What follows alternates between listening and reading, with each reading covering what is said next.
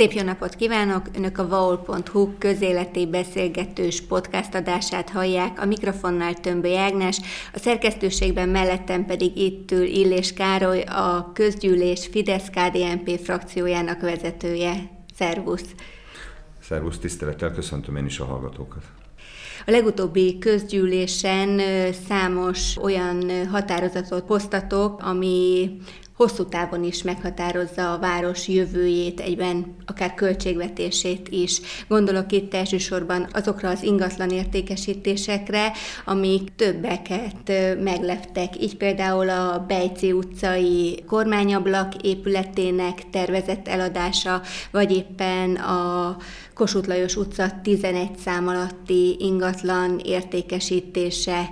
A Fidesz-KDNP frakció ezeket a döntéseket nem támogatta. Miért nem? Ugye több ingatlan értékesítésről döntött a közgyűlés a legutóbb. Ebben vannak olyan ingatlan értékesítések, amik önkormányzati ingatlanok, és részben olyan lakások, amik gazdaságosan nem felújíthatók.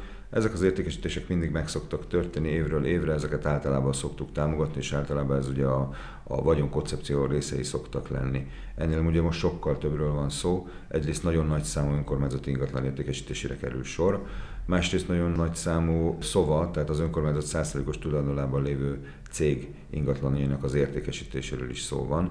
És hát ezek olyan jelentős ingatlanok, mint ugye a Bejci utca 1-3 vagy éppen a Kossuth 11, amik mindenképp úgy gondoljuk, hogy a város hosszú távú működését is befolyásolhatják, hiszen ezek mind az önkormányzat hivatalához közel lévő ingatlanok, tehát akár egy, egy bővítés során, vagy ügyfélszolgálati iroda kapcsán is hasznosíthatóak lehetnének.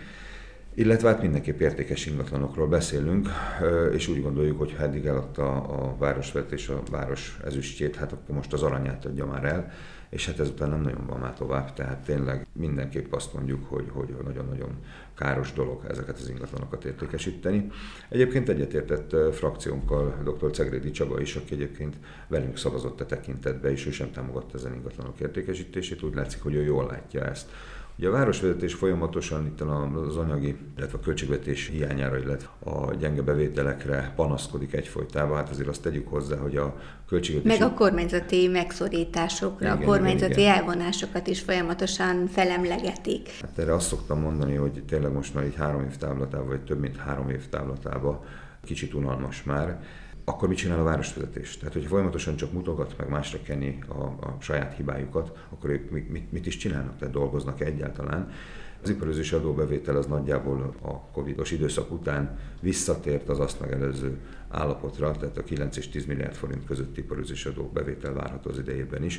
Tehát én nem gondolom, hogy ezek az ingatlan értékesítések szükségesek lennének.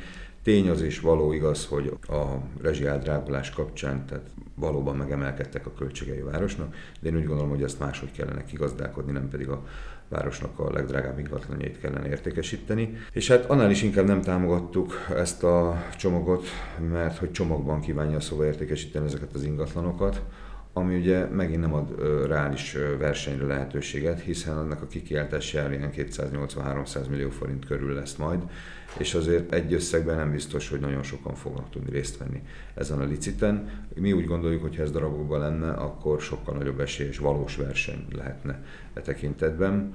A másik pedig, hogy mindenképp alulértékeltnek gondoljuk ezeket az ingatlanokat, független az értékbecsléstől, hiszen a piaci környezet sem kedvez most annak, hogy ezek az ingatlanok magasabb áron értékesítésre kerülhessenek, úgyhogy mi úgy gondoljuk, hogy a szovát sem így módon kellene megmenteni. Való igaz, hogy a szovánál nagyon nagy a probléma. Ugye a közgyűlés tárgyalta most azt is, hogy 700 millió forintos tagi kölcsönt nyújt a város a szovának. Ettől függetlenül úgy gondoljuk, hogy változtatni kellene a gazdálkodásán a szovának, változtatni kellene a működésén, és nem biztos, hogy egy ilyen ingatlan csomaggal kellene próbálni megmenteni a céget. Az már csak egy mellékesként jegyezném meg, hogy egy olyan cégnél, ahol 700 millió forintot biztosít a város kölcsönként, illetve hát látjuk azt, hogy azért negatív működéssel számol a szoba, tehát veszteséges működéssel, veszteséges gazdálkodással számolnak. Emellett nem biztos, hogy 40 millió forintot marketingre, illetve egyéb támogatásokra kellene fordítani a cégnek, és hát azzal sem értünk egyet, hogy ilyen működés mellett a menedzsment jelentős prémiumot, illetve prémium kiírást itt él meg nekik az igazgatóság. Tehát Erről helyzetben... zárt ajtók mögött is szó esett, úgy tudom, mivel nyílt közgyűlésen kezdeményezted, hogy zárt ajtók mögött, zárt ülésen legyen szó erről, adott-e tájékoztatást a városvezetés erről a prémium rendszerről, amit a Szova Non-Profit ZRT-nél terveznek az idei esztendőben? Nem volt külön napirendi pont ez zárt ülésen. Én egyébként a nyílt ülésen, lévén, hogy a Szova stratégiai igazgatója Kopcsándi képviselőtársunk nem volt jelen a közgyűlésen, én többször megkértem a polgármester urat, hogy akkor ott volt a Szova vezérigazgató nője az ülésen, és kértem, hogy akkor legalább ő nyilatkozzon arról, hogy akkor mi is lesz a szoba stratégiája, hogyan kívánják megmenteni a céget. Hát nem kapott szót a vezérigazgató és később sem esett erről szó. Tehát igazából mi az üzleti tervet látjuk, a számokat tartalmazó gazdálkodással kapcsolatban persze vannak az idejére vonatkozó tervek, de hosszú távú stratégiát, hogy a szoba hogy fog kilábalni ebből a nehéz helyzetből, erre vonatkozóan semmit nem kaptunk. Az, hogy egyszer ingatlan értékesítésekkel, meg 700 millió forintos tagi kölcsönnel próbálják megmenteni a céget, ez nem egy hosszú távú dolog, ez egy adhok intézkedés, ami lehet, hogy egy évet segít a cégen, de ettől még a jövője nincs biztosítva. Egyébként én jeleztem most is, és nem is szavaztuk meg a tagi kölcsön nyújtását. Én úgy gondolom, és meg is mondtam polgármesternek, hogy átverik a szavazóikat. Tehát 700 millió forintos tagi kölcsönt nyújtanak úgy, hogy tudjuk, hogy ezt a cég nem fogja tudni visszafizetni. Ugye a költségvetését felelős alpolgármester Horváth Attila az egyben reagált is rá, hogy hát érti ő ez, de hát akkor, ha ezt ő végleges pénzeszköz átadásként adja, hát akkor luk van a költségvetésben, mondtuk, hogy igen, való igaz. Tehát itt az átverés, hogy igen, tudjuk, luk is lesz a költségvetésben, ezt a forrást a szóval évvégéig nem fogja tudni visszafizetni. De szóvá tetted már akkor is, amikor a költségvetés vitája volt februárban, hogy a Fidesz-KDNP frakció azért nem tudja támogatni az idei költségvetési tervezet elfogadását, mert hogy sem a Vasi Víz ZRT-nél várható hiányjal, nehézségekkel, pénzügyi nehézségekkel, sem pedig a szovánál várható hiányjal nem kalkulált az önkormányzat a saját költségvetésében. Ez így van, tehát a, a város költségvetése nem kezeli ezeket a problémákat. Ugye itt elsődlegesen a százszerékos tulajdonú saját cégünket kellene tudni kezelni, tehát a szovát.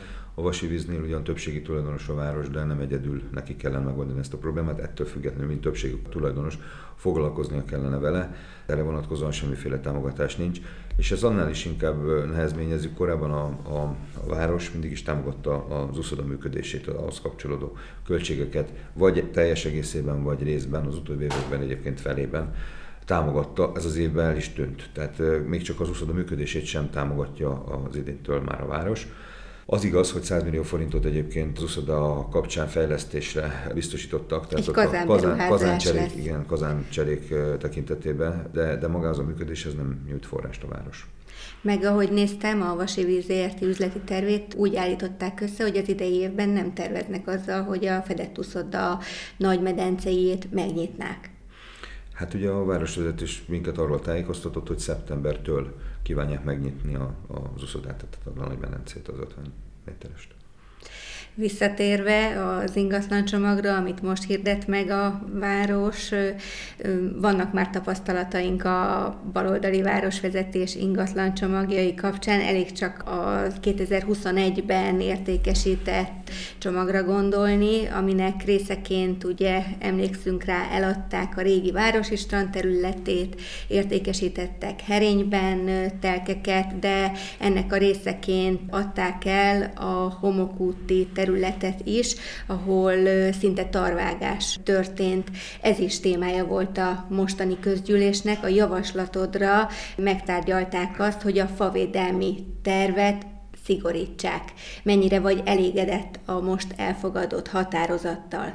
Hát annak mindenképp örülünk, hogy visszakerült a favédelmi terv javaslatunkra és tárgyalta a közgyűlés annak szigorítását. Ugye annak idején, amikor ezt a favédelmi tervet a jelenlegi városvezetés kitalálta, tulajdonképpen ez nem lett megtöltett tartalommal.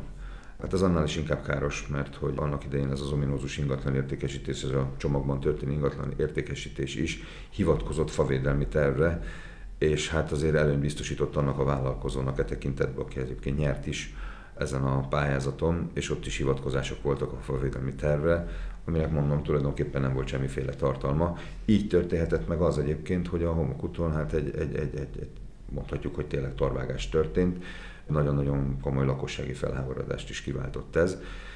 Személy szerint én is egyébként láttam, és tényleg elszomorító, ami ott történt. Mindenképp átgondolatlan volt ez a, az ottani fa kivágás, meg hát maga a telekértékesítés is. És javasoltuk mi is, illetve többen megkerestek minket lakosok, valamint el kell mondani, hogy dr. Szendrő Német Tamás civil blogger is felhívta a figyelmünket arra, hogy ez a favédelmi terv ez így ebben a formában semmire sem jó. És az előző közgyűlésen javasoltuk, hogy ezt tárgyaljuk újra, próbáljuk meg szigorítani. Hát a két ülés közt egyébként minket nem keresett senki. Mi azért elkezdtünk dolgozni, és nagyon-nagyon sok javaslatunk volt egyébként a favédelmi terv módosításához kapcsolódóan. Ezt én egyébként el is kezdtem felolvasni a javaslatokat, amire egyébként a polgármesternek az volt a reakció, hogy ötletelünk. Hát amikor mondjuk felolvasom azt, amin egy hónapig dolgoztunk, azt nem nevezném ötletelésnek. Való igaz, kettő dolgot egyébként elfogadott a közdülés, és két módosítás bele is került egyébként ebbe a favédelmi terv szigorításba de hát jelentős dolgok nem. Tehát például, hogy egy-kettőt mondjak csak, nem tesz különbséget a favédelmi terv olyan megóvandó fák tekintetében, amik csak példaként mondom, a favédelmi terv úgy rendelkezik, ha valahol kivágásra kerül egy fa, akkor a helyet kettő másikat kell ültetni valahol a városba hogy most ezt példával szemléltessem, véleményünk szerint mondjuk egy 150 éves platánfa kivágása az nem egyenértékű mondjuk kettő csemetével valahol a városba. Tehát ilyenekre például Szerintem nem ezt ki. más is így gondolja. Igen, igen. Tehát ilyenekre nem tér ki ez a favédelmi terv, illetve hát az, hogy csemetéket ültetgetünk jobbra-balra, azt hát talán az unokáik sem fogják látni már mire nagy fák lesznek, úgyhogy kicsit ennél alaposabban gondoltuk volna. Javasoltuk egy ilyen zöld térkép elkészítését a városban, ez nem lenne egyébként egyedi, hiszen Budapesten van ilyen, és ezzel meg tudnánk határozni egyébként azokat a területeket, ahol semmiképp sem támogatnák mondjuk a fák kivágását. Illetve azt is javasoltuk, hogy nézzük meg, hogy az önkormányzati ingatlanjai tekintetében hol vannak jelentős mennyiségű fával rendelkező ingatlanok, amiket esetlegesen nem is szabadna értékesíteni. És hát a szankcionálás tekintetében volt még egy javaslatunk a az előterjesztett anyagban, tehát a beruházásoktól számítva egy éven belül ellenőrizhetett volna az önkormányzat, utána már nem. Hát mi ezt tíz évben javasoltuk egyébként meghosszabbítani, minimum tíz év legyen az az időszak, amíg egy beruházó mondjuk ellenőrizhető legyen és számon kérhető legyen az, hogy a területen lévő fák meglegyenek, illetve ne kerüljenek kivágásra.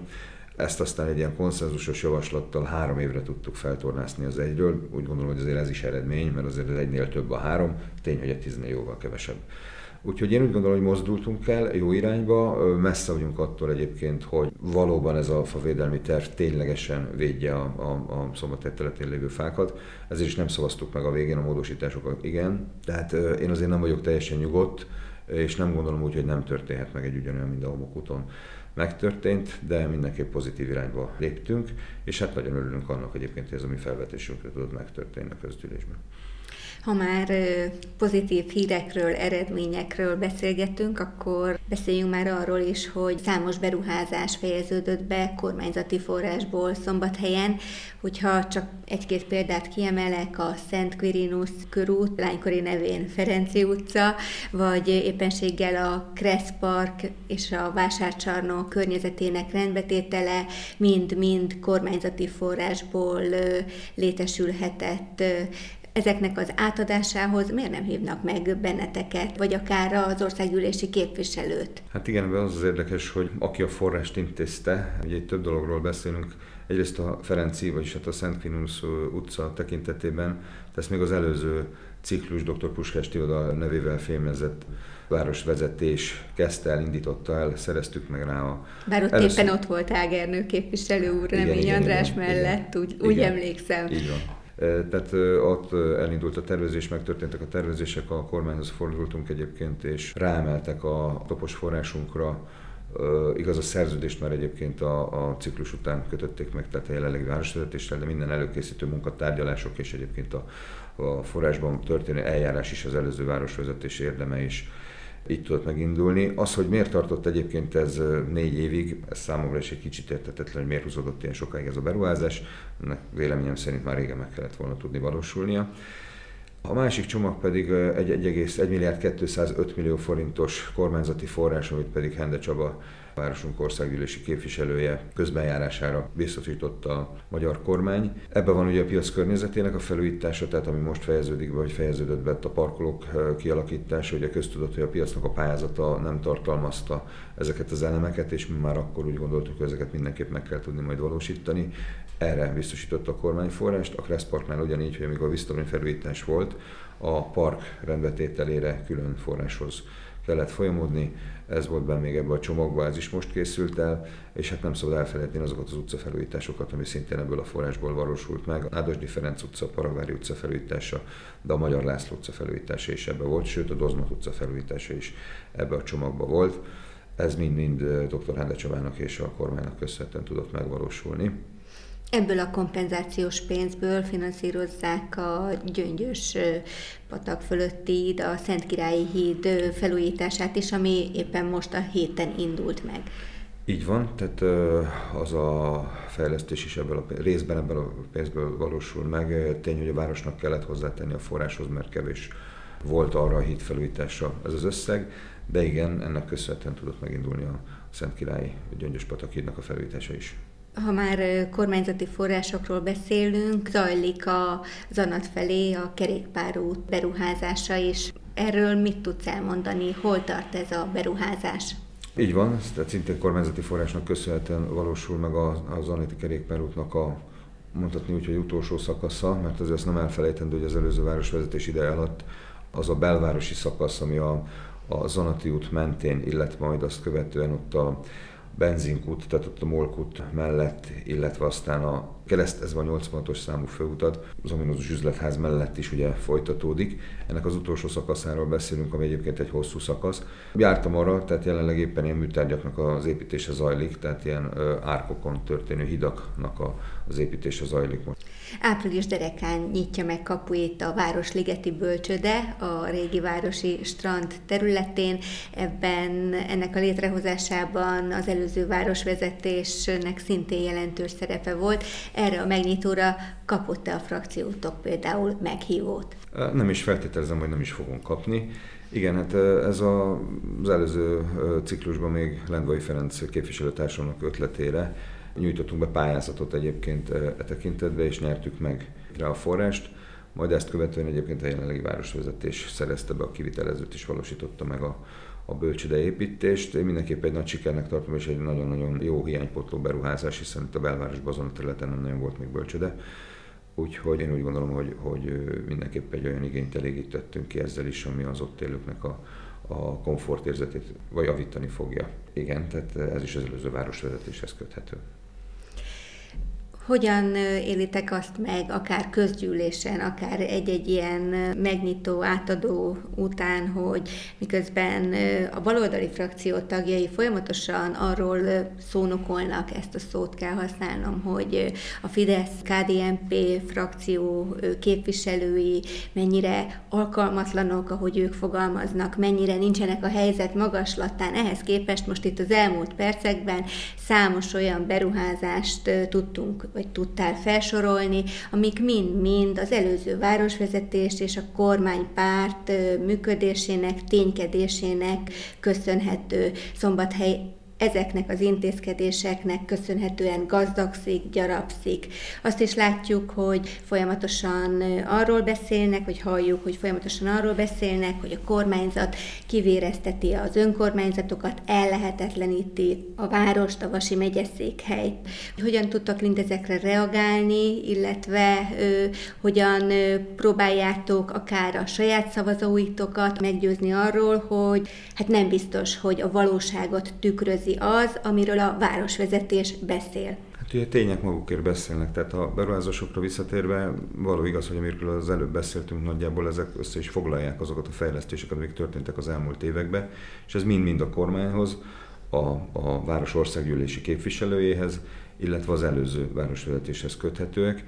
Természetesen ide a jelenlegi városvezetés is indított el beruházásokat, itt egyébként a járdafelújításokra tudok gondolni, amik azért folytak a városba. Ezen kívül egyébként olyan játszótér, illetve közparkfejlesztések vannak, amik szintén még a CLND projekt kapcsán, amit az előző városvezetés nyert meg, készített elő, persze be kisebb módosításokat végzett a jelenlegi városvezetés, de ezen Európai Uniós projekt kapcsán valósulnak meg, közösségi térfejlesztések mondjuk így, de, de jelentősebb fejlesztések egyébként nem történtek még a városban. Kicsit úgy érezzük, hogy a városvezetés ilyen bénakacsa, és egyébként mutogat a kormányra, vagy éppen az előző városvezetésre, tehát keresik a bűnbakot a saját kis hát, hozzá nem értésük kapcsán hogy finoman fejezzem ki magam.